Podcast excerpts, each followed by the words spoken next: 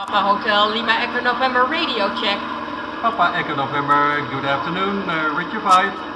Good afternoon, read you 5 and 12, Papa Echo November. Dit is Radio Moddergat, de wekelijkse bespreking van ontwikkelingen in bizarre tijden. Ja, inderdaad, een hele goede avond. Wederom een, eh, een uitzending van eh, Radio Moddergat. Met eh, in het komend half uur gaan we het hebben over gevaccineerden. Zijn die dan toch virusverspreiders? Uh, uiteraard de medische apartheid die we hebben kunnen beleven de afgelopen week, althans de aankondiging daarvan. En ja, vanaf vandaag is die dan een feit. Uh, daar uh, heeft een oud-opperrechter van het Engelse Supreme Court een heldere mening over. Die heeft het over burgerlijke ongehoorzaamheid. Daar gaan we het ook over hebben. En natuurlijk, um, ja, denk ik, ontkomen we niet aan het boek van Kees van der Pijl, Pandemie van de Angst. Um, een boek met extreem veel informatie. En we gaan in een aantal afleveringen daar stukken van de, uh, behandelen. Omdat dat een, ja, ik denk wel misschien een van de weinige boeken is die, die echt inzicht geeft in wat er zo al speelt op dit moment. Ja, het mag toch wel verbazen dat, um, dat uiteindelijk dan toch die medische apartheid wordt afgekondigd met ingang van uh, vandaag, als ik het goed heb, 25ste. Uh, dat is morgen dus, ja, vanaf morgen. Um, want ja, als je even terugkijkt, in trouw van, eens even kijken, nee, ja, ja in trouw van juli, uh, jongsleden alweer, uh, werd toch eigenlijk al uh, bekend um, dat gevaccineerde zorgmedewerkers, daar waar het zo noodzakelijk was hè, om te voorkomen dat de mensen die zij behandelen besmet zouden raken, dat juist de gevaccineerde zorgmedewerkers toch ook weer bron zijn van, van virusoverdracht. Um, en dat, dat is natuurlijk wel uh, uh, opmerkelijk dat met die kennis, met die kennis uiteindelijk uh, het kabinet dan toch besluit om een onzinnige scheiding tussen gevaccineerden en ongevaccineerden aan te brengen. Nog los van alle ethische en juridische en maatschappelijke en psychologische en sociale argumenten tegen deze toch wel tamelijk schandalige ingreep in de samenleving. Uh, daar waar het allemaal voor wordt gedaan, althans dat wordt als reden genoemd, namelijk uh, verspreiding van het virus tegengaan. Uh, ja, dat blijkt toch eerlijk gezegd niet uit um, berichten uit de Nederlandse zorg. Maar zij zijn natuurlijk niet de enige. Overigens spreken ze dan van doorbraakinfecties. Ja, ja um, daar lees je ook in andere literatuur ook wel het een en het ander over. Dat het, het, het gevaar van, van inenten tijdens een pandemie, dus ja, de vraag is of het natuurlijk een pandemie is, maar in ieder geval tijdens een uitbraak van een virus, als je dan ook nog eens een, een, een virusversterkend middel gaat inbrengen, want dat is eigenlijk mRNA, hè, die, die, die stimuleert jouw lichaam eerst om, om COVID aan te maken, dan gaat je uh, immuunsysteem erop reageren en dan zou je immuun zijn tegen COVID. Nou, dat is het verhaal in ieder geval. Um, maar dat, dat het effect ervan kan zijn dat er eigenlijk alleen nog maar of uh, virusvarianten bijkomen, die soms ook misschien wel sterker zijn in effect dan het oorspronkelijke uh, uh, virus. En dat kan ook ertoe leiden dat de persoon zelf een soort virale storm krijgt in zijn lichaam. Want daar zit misschien al een deeltje virus en daar komt eigenlijk een versterker overheen, zijnde het vaccin. Uh, met andere woorden, er zitten nogal wat, uh, wat risico's aan. Um, en, en er zijn al talrijke uh, uh, hoogleraren en wetenschappers die hiervoor waarschuwen. En eigenlijk ook al wat langer geleden hiervoor hebben gewaarschuwd. Van jongens, doe het niet op deze grote schaal. Want je weet niet wat je lostrekt. Ja, sommigen zullen zeggen, nou, dat weten ze juist wel. Nou, oké, dat, dat blijft altijd heel moeilijk om dat, dat aan te tonen. Maar zo was ook uh, een um, Belgische professor uh, Annemans, die heeft ook een duidelijk helder stuk geschreven, onlangs uh, nog, professor Economics of Health and Well-Being. En die schreef op zijn LinkedIn-account, en heeft hij natuurlijk wel de nodige reacties op gehad. Ik citeer. We staan op een kruispunt in de aanpak van de COVID-pandemie. Het is inmiddels wetenschappelijk aangetoond dat de huidige vaccins hun doeltreffendheid verliezen en dat massavaccinatie niet de juiste strategie blijkt te zijn om groepsimmuniteit te bereiken. Zich laten vaccineren tegen SARS-CoV-2 is dus geen daad van solidariteit, maar wel een persoonlijke keuze op basis van een goed geïnformeerde afweging van baten en risico's. Desondanks zien we nog steeds een toenemende druk in onze samenleving en in de publieke opinie om een onderscheid te maken tussen gevaccineerden en niet-gevaccineerden. Einde citaat. En dat is dus onbegrijpelijk met deze kennis, want we praten ook over rapportages uit eh, de Israëlische ziekenhuizen. Uh, Israël schijnt door uh, de Pfizer-directeur uitgeroepen te zijn tot ehm, land van het experiment met het vaccin. In, in, in Israël wordt alleen maar Pfizer gebruikt. Um, ik, ik vond dat nogal een, een pikante uitspraak in het licht van de geschiedenis van het Jodendom dat uitgerekend weer er een ja, commercieel en uitgerekend ook weer een farmaceutisch bedrijf is. Die vindt dat uh, de Joodse staat uh, een experimenteel gebied is. Een gebied is waar geëxperimenteerd mag worden met de gezondheid. Ja, dat duidt op heel weinig historisch besef bij zo'n directeur. Nou ja, staan de farmaceuten toch al niet zo heel erg bekend als zeer conscientieus. Dus op zich is het niet uh, verrassend, maar het blijft wel een hele pijnlijke constatering. Sometimes the most public spirited thing that you can do with despotic laws like these is to ignore them. I think that if the government persists long enough with locking people down, depending on the severity of the lockdown, uh, civil disobedience is likely to be the result.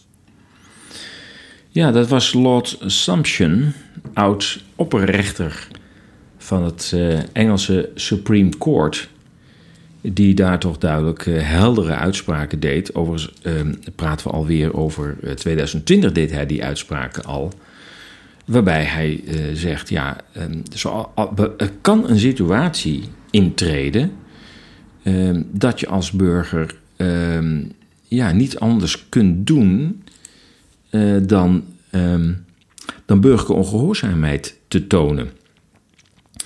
En ja, je zou kunnen zeggen dat is er dus nu in feite aan de hand. Uh, we hebben um, dus gehoord dat we nu die medische apartheid krijgen. Dat je voor het drinken van een kopje koffie in een restaurant laten zien dat je gevaccineerd bent, zeg maar ingeënt. En we hebben het net over gehad van hoe logisch is dat eigenlijk als, uh, de gevaccineerden ehm, ehm, ook weer besmettelijk kunnen zijn voor anderen, zelf besmet kunnen worden.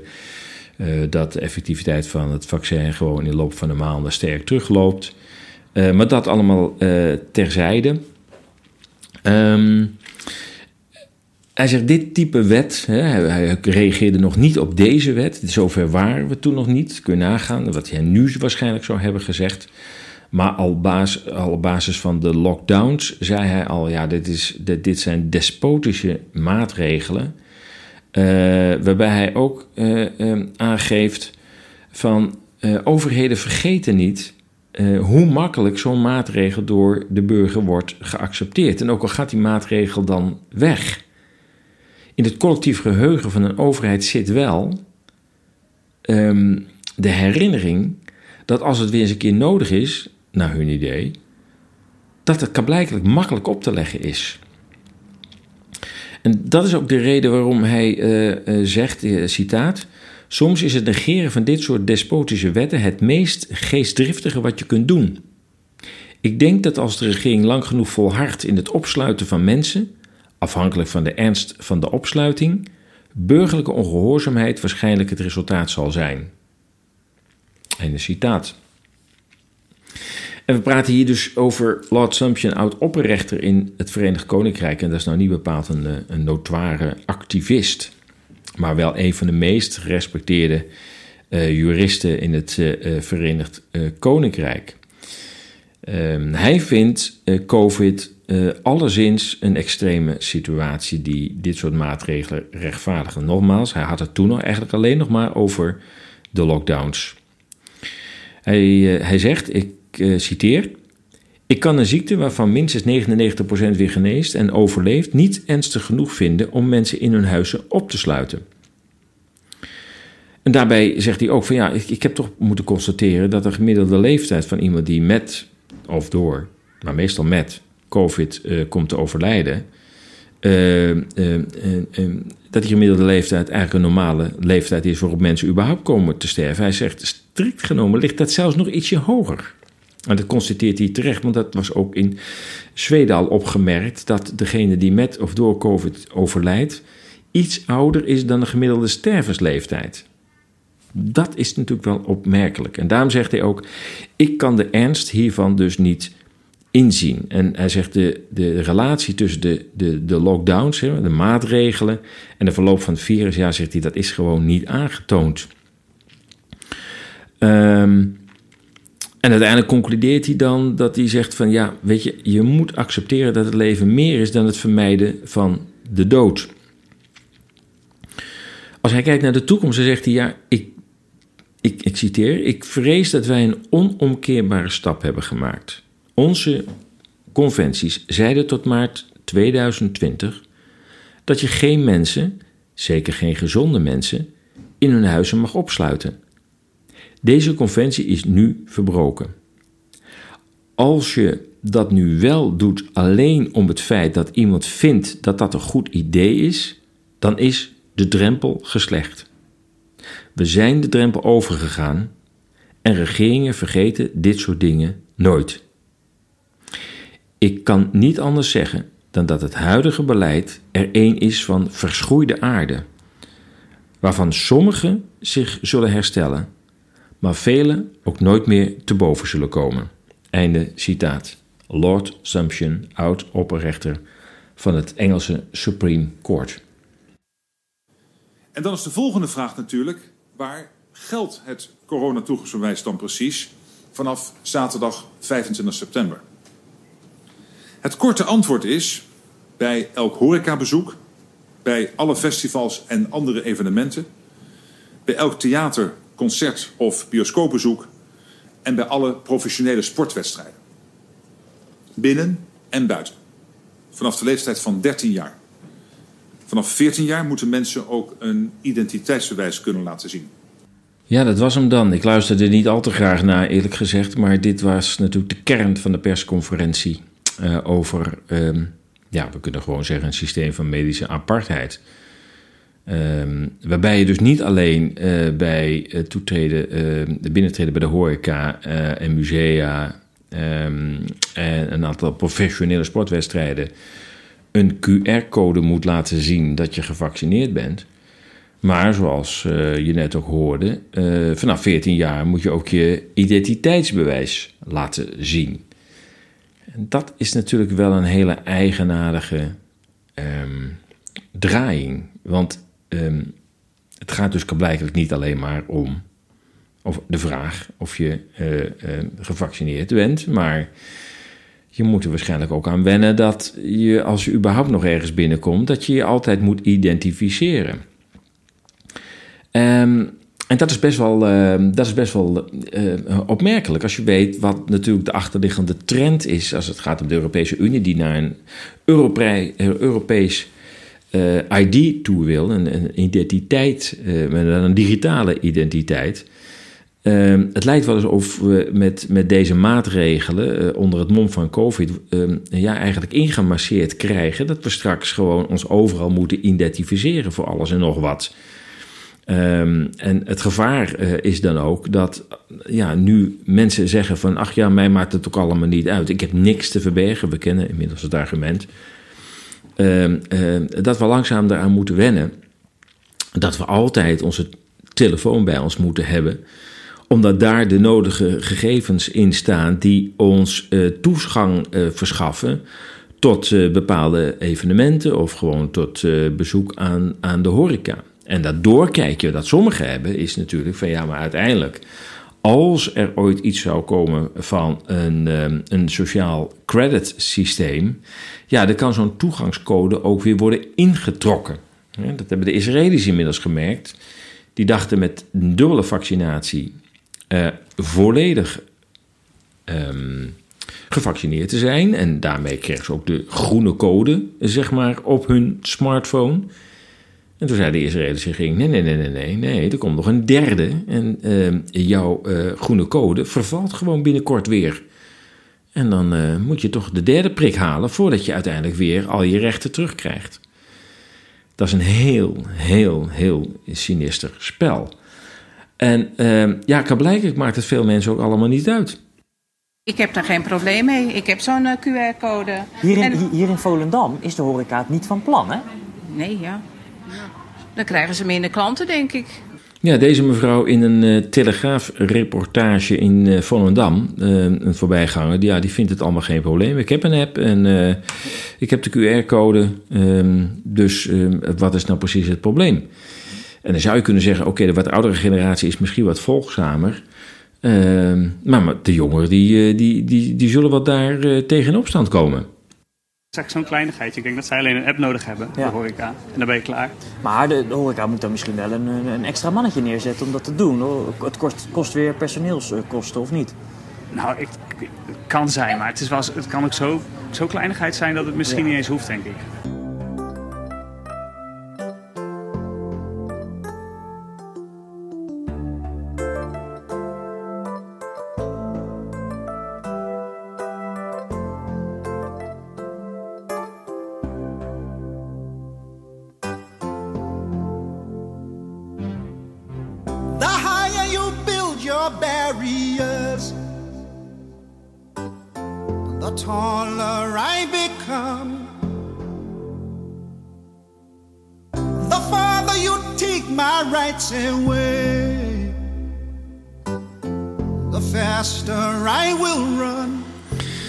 Ja, met een prachtig toepasselijk nummer van La Bicifre alweer uit.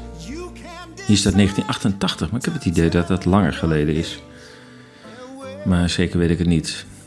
En uh, Feeling Inside So Strong. Mooi hoor, mooi.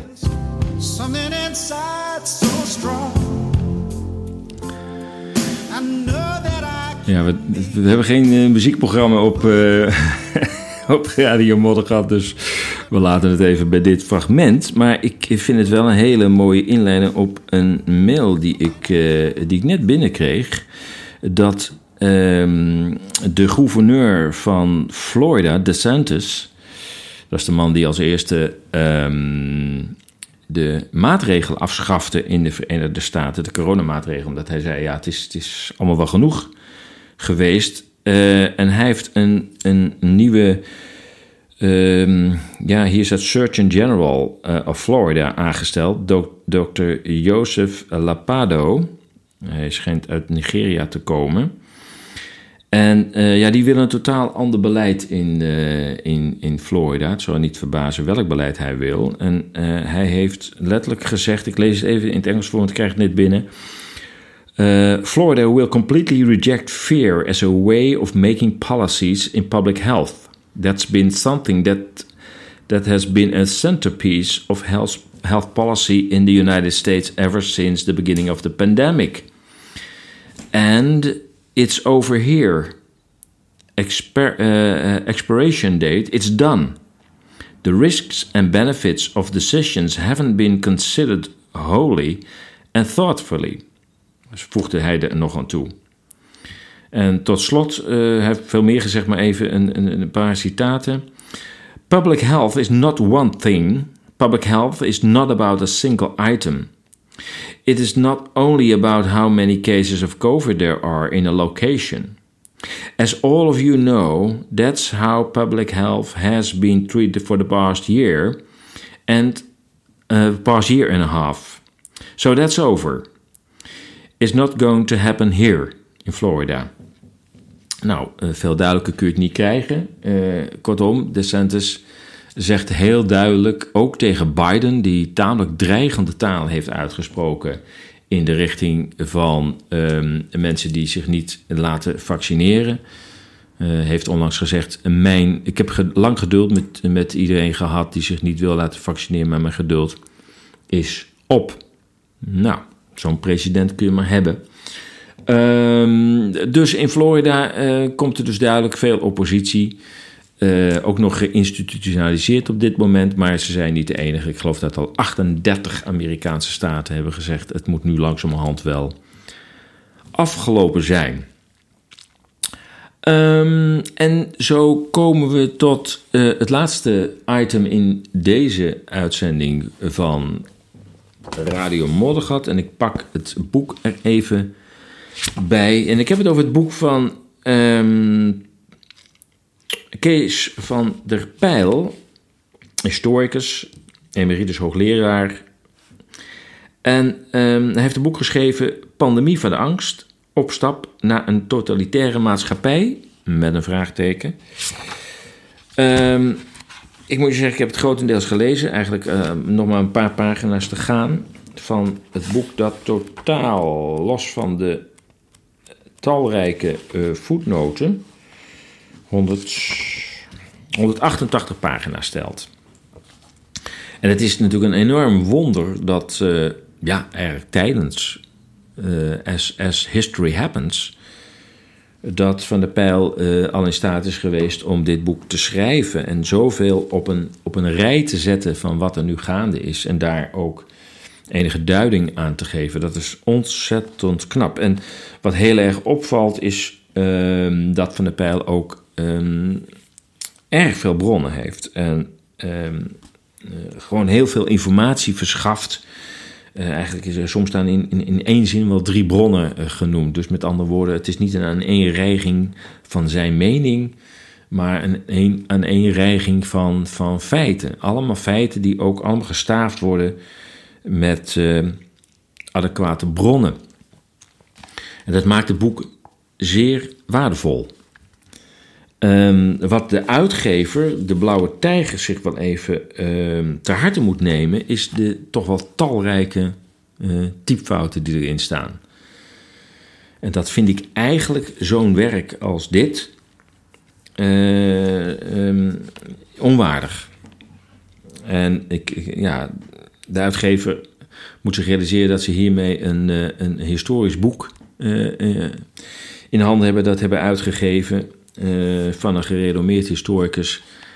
En dan vind ik eigenlijk dat je zoveel typfouten niet kunt permitteren. Je zou bijna zeggen van stuur iedereen die het boek heeft gekocht maar een herdruk. Maar dan zonder spelfouten. Maar goed, even over de inhoud, want die is, die is echt zeer, zeer leerzaam. Uh, van de Pijl stelt bijvoorbeeld dat. Uh, hij spreekt over de, de, de COVID-uitzonderingstoestand. Dat is een term dat hij ook uh, voortdurend gebruikt, waarmee hij natuurlijk het woord pandemie en crisis wil uh, vermijden, maar meer refereert aan een over ons afgeroepen toestand, de uitzonderingstoestand. Hij zegt: De wereld is met de COVID-uitzonderingstoestand in de houtgreep genomen, maar de veelheid van belangen die daarbij in het geding zijn, de voorbarige inzet en allerlei andere tegenstrijdigheden zullen een nieuw normaal niet tot wasdom laten komen. In plaats daarvan zal een brede, politiek heterogene beweging voor vrijheid opstaan, die de mogelijkheden van de IT-revolutie zal moeten benutten voor een levensvatbare toekomst. Of ten onder gaan. Uh, dus ja, uh, je zou je kunnen zeggen, dit is al een beetje de, de kern van, uh, van het boek. Van oké, we zijn in een soort uh, plan verzeild geraakt. niet één centraal plan, maar een reeks van plannen, ideeën, ehm, belangen. Ehm, die een uitzonderingstoestand teweeg heeft gebracht. Maar, en dat is dan de uh, inschatting van, uh, van Kees van der Pijl, uh, het zal ze niet lukken. Het is te vroeg gestart, het is te veelomvattend en er zijn te veel partijen op het schaakbord tegelijk bezig om aan de overkant te komen. Um, ja, verder zegt hij van ja, eigenlijk is het een soort ehm, staat van oorlog. En daar zegt hij over. Um, Even kijken, in het verleden bestreden, hij citeert overigens uh, Bronstein en Kolstein uh, uit het boek Theorie Praktijk van Oligarchische Collectivisme. En daar citeert hij uit en zegt hij: In het verleden bestreden heersende groepen van alle landen elkaar, hoewel ze ook wel gemeenschappelijk belang zouden erkennen en daarom de vernietiging die het gevolg is van de oorlog binnen de perken hielden. Maar altijd plunderde de overwinnaar de verslagene. In onze tijd vechten ze helemaal niet meer met elkaar. De oorlog wordt door iedere heersende groep tegen zijn eigen onderdanen gevoerd. En het doel van de oorlog is niet om gebied te veroveren of dat te verhinderen, maar om de structuur van de maatschappij intact te houden. Het woord oorlog is daarom in zichzelf misleidend geworden. Al dus Kees van de Pijl. Uh, waarbij hij dus in feite zegt: ja, het, het, het, het, is wel een soort oorlog, maar niet zoals we dat uh, eigenlijk uit de geschiedenis kennen. Een hete oorlog met, met wapens, doel bezetting van een ander gebied. Ehm, maar zegt het gaat hier om het handhaven van de bestaande orde, waarin, nou ja, diegenen die ehm, aan de macht zijn, dat zijn meestal mensen in de financiële wereld, maar ook mensen in de farmacie. Eh, natuurlijk ook in big tech de laatste twintig jaar. Dat die ook wel zien dat er verschuivingen zijn in de samenleving na 2008. Dat die samenleving onrustig is geworden. Uh, nou ja, heel dichtbij kunnen we dat natuurlijk in Frankrijk zien met de gele hesjes. Daar is Macron aan de macht uh, gekomen. Ook een beetje zo uit het niets, zou je kunnen zeggen. Best wel opmerkelijk een leerling uit eh, de klas van Klaus Schwab, de Young Leaders ehm, klas van, uh, van Klaus Schwab, waar heel veel uh, mensen die nu uh, zeg maar het hoogste woord voeren, of het nou Trudeau is van Canada of Aiden uit Nieuw-Zeeland, zelfs Merkel, nou ja, Young Leader, maar die heeft ook wel in die klas gezeten. ja, het zijn allemaal mensen die in ieder geval gepokt en gemazeld zijn in um, ja, de, de visie, het denkwereld, de denkwereld van het World Economic uh, Forum. Um, en die willen de samenleving houden zoals die is, terwijl die eigenlijk natuurlijk, als het gaat om de financiële kant van die samenleving, um, wel op instorten uh, staat. Uh, en hoe, hoe zorg je dan voor dat jij met jouw enorme kapitaal daar toch nog goed uitkomt? En wat je nu ziet gebeuren is dat er in de afgelopen tijd, uh, afgelopen coronatijd eigenlijk, uh, de wereldgeldvoorraad, zeker de dollar, uh, met 40% is toegenomen. Dus dat wat er al was aan dollars, en dat was eigenlijk al veel te veel in de wereld. Nou, daar is nog eens 40%, 40 bijgekomen in anderhalf jaar tijd. Nou, kortom, dat is, dat, dan is zo'n systeem is kapot. In maart 2020 bereikte de rente de nulgrens. Dat was overigens ook het begin van de coronacrisis. Wie ziet daar eventueel een samenhang? En de nulgrens betekent dat als je daar nog onder gaat, dat het de faillissement van de banken zal betekenen. Want de banken kunnen niet zonder een positieve rente. Uh, en men zegt om dat te voorkomen is er, is er een enorme geldinjectie uh, geweest. En om te voorkomen dat die in de normale economie terecht zou komen, waardoor hyperinflatie zou ontstaan, werd de economie bevroren door middel van lockdowns. Dat is een mogelijke uitleg en reden van de lockdowns. Um, hij zegt op een gegeven moment ook nog even kijken um, over angst en uh, sociale norm. Is natuurlijk ontdekt dat zowel in Engeland als in Duitsland zijn de documenten opgedoken waarin angst als instrument werd geadviseerd aan de regering om dit proces, uh, nou ja, de samenleving in te krijgen en dat nieuwe normaal af te dwingen. Uh, nou weten we dat angst natuurlijk al langer een instrument van de politiek is. Uh, is het niet voor immigratie, dan is het voor ehm, klimaatverandering of voor terrorisme. Eh, kortom, nou ja, ik heb zelf nog eh, de Koude Oorlog uh, meegemaakt. Nou ja, dat klinkt wel heel groot, maar in ieder geval nog wel een staatje daarvan. Uh, in de zin van, ja, we moesten bang zijn voor een kernoorlog. En met angst wordt altijd politiek bedreven. maar het is nog nooit zo duidelijk naar voren gekomen als tijdens de coronatijd. Want er zijn gewoon documenten opgedoken waarin duidelijk een verhaallijn werd neergezet. dat, dat uh, uiteindelijk gevaar de basis moest zijn om uh, die crisis bij mensen uh, binnen te krijgen. En ehm, Van der Pijl laat ook, uh, beschrijft ook een aantal overheidsdocumenten. Wat hij noemt de door, doorontwikkeling van de verhaallijn en toon. Waarbij angst, dat was aanvankelijk de, de, de basis, langzamerhand over moest gaan in de sociale normen. Dat hebben we ook meegemaakt in het najaar van, van 2020. Uh, angst bleef de basis, maar op een gegeven moment werd ook een beroep gedaan op solidariteit. We doen het samen. Uh, je prikt je niet alleen voor jezelf, maar ook voor de buurman. Dat verhaal. Nou, dat is allemaal in communicatiedocumenten opgeschreven.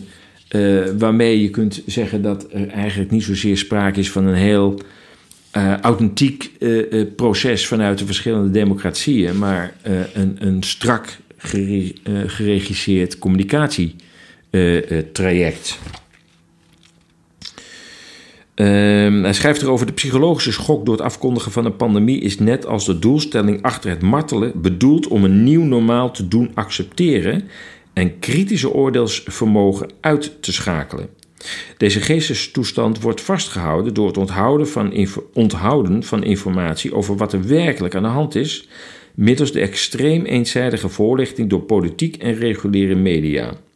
Daarin wordt van afwijkende opvattingen Daarin wordt van afwijkende opvattingen door vaak hoog gekwalificeerde deskundigen geen melding gemaakt of ze worden als samensweringstheorieën weggezet. Dit kan worden vergeleken met de zintuigelijke drooglegging bij uh, psychologisch martelen. Ja, dat zijn natuurlijk stevige conclusies stevige uitspraken. Um, en nog even een laatste. We komen uh, ik, kom daar meer op terug hoor, op dit boek. Want uh, we hebben alleen nog. Ik, ik, lees alleen maar even een paar dingen voor voor de eerste tientallen pagina's. Um, maar nog even een, een, citaat die ik ook wel belangwekkend vind.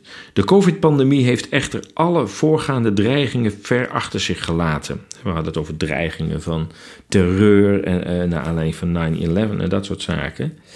Grote delen van de wereldbevolking zijn in een permanente angsttoestand gebracht, die elk moment tot paniek kan worden aangewakkerd als machtwens, uh, machthebbers dat wenselijk vinden.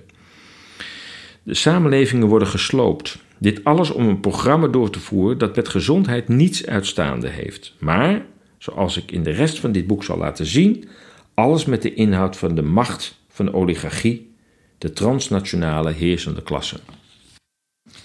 Vanaf overmorgen is er dus weer segregatie in Nederland. Voor het eerst sinds de Tweede Wereldoorlog zijn er weer eerste en tweede rangsburgers. Zijn er mensen die wel naar het café mogen en mensen die dat niet mogen. Mensen die binnen naar het wc mogen, mensen die dat niet mogen. Mensen die wel naar de bioscoop mogen, mensen die dat niet mogen. En dat alles zonder enige medische of wetenschappelijke rechtvaardiging, met als enig doel om zoveel mogelijk mensen aan de spuit te krijgen. Ja, we zijn eigenlijk door de tijd heen, maar toch wil ik nog even aandacht vragen voor de conferentie, die persconferentie die gisteren Bart Maas uh, heeft gehouden. Bart Maas is van Bart Maas Advocaten. En hij was degene waarover wij op de website een bericht uh, schreven. Um, advocaat, ik ben verbijsterd, oproep aan getroffen bedrijven. En hij daagt de Nederlandse staat aanstaande dinsdag voor de rechter in een kort geding. En hij liet vandaag, um, een nou, tilde hij een tipje van de sluier op van wat hij uh, precies van plan is. Um, maar vooral is uh, van belang om te horen hoe hij aankijkt tegen de huidige situatie. Het zijn fragmenten van Blackbox TV. Tegen de voorstanders van de coronapas en dus segregatie zeg ik: shame on you and beware what you wish for. Om het met de woorden van de jongen te zeggen: ik heb nul begrip voor voorstanders van de coronapas. Nul. Deze mensen hoeven nooit meer op onze solidariteit, die we al anderhalf jaar aan de dag moeten leggen, te rekenen. Genoeg is genoeg. Corona gaat niet meer weg. Deal with it. Maar ook wij weten dat hier meer aan de hand is en dat zich hier groot onrecht voordoet. We zijn echt niet achterlijk. Maar een olifant eet je niet in één keer op, maar hak je eerst in kleinere, hapklare brokken. Dus first things first, als jullie begrijpen wat ik bedoel. Tegen de mensen die nog steeds bang zijn van het coronavirus zeg ik: let it go. Kijk naar de cijfers. Angst is een bijzonder slechte raadgever. En leven is zoveel meer dan alleen maar niet doodgaan. Tot slot de jongen, wat zal ik daar eens over zeggen? Woorden schieten tekort. Hij liegt en bedriegt dat het een lieve lust is. Zelden heeft Nederland zo'n incompetente en machtsgeile minister gezien. Hij had het voor geen goud willen missen. Herinnert u? Deze ochtend nog bleek dat dansen met Jansen niet door het OMD was voorgesteld, maar het gevolg was van een kapotte koelkast ergens in Utrecht, waardoor die vaccins snel moesten worden uitgeserveerd. Dat heeft tot veel extra besmettingen geleid. Gisteren heeft hij nog een heel draadje met hele en halve waarheden over de coronapas op Twitter gezet of laten zetten. Gij blijkt geen, of in elk geval een heel slecht afgesteld moreel kompas te hebben. Als hij, als hij bij herhaling zegt dat hij alles doen, zou doen om iedereen gevaccineerd te krijgen, dan lopen mij de rillingen over het lijf. Dat was Bart Maas um, van het gelijknamige advocatenkantoor tijdens de persconferentie afgelopen donderdag over zijn uh, aanstaande kort geding komende dinsdag tegen de Nederlandse staat. Ik heb er weinig meer toe te voegen, behalve u een heel prettig weekend te wensen. Tot volgende week bij Radio Motorgat. Papa Hotel Lima Echo November Radio Check. Papa Echo November, good afternoon, uh, Richard 5. Good afternoon, read you 5 as well, Papa Echo November. Enerzijds, anderzijds, zoek naar nieuwe inzichten in actuele thema's. De massamedia die lang werden vertrouwd, hebben dat vertrouwen bij velen verloren. Enerzijds, anderzijds wil met haar berichtgeving meer balans brengen in actuele onderwerpen. Lees onze berichten en artikelen op ezas.nl. Laat ons uw mening weten en deel onze artikelen.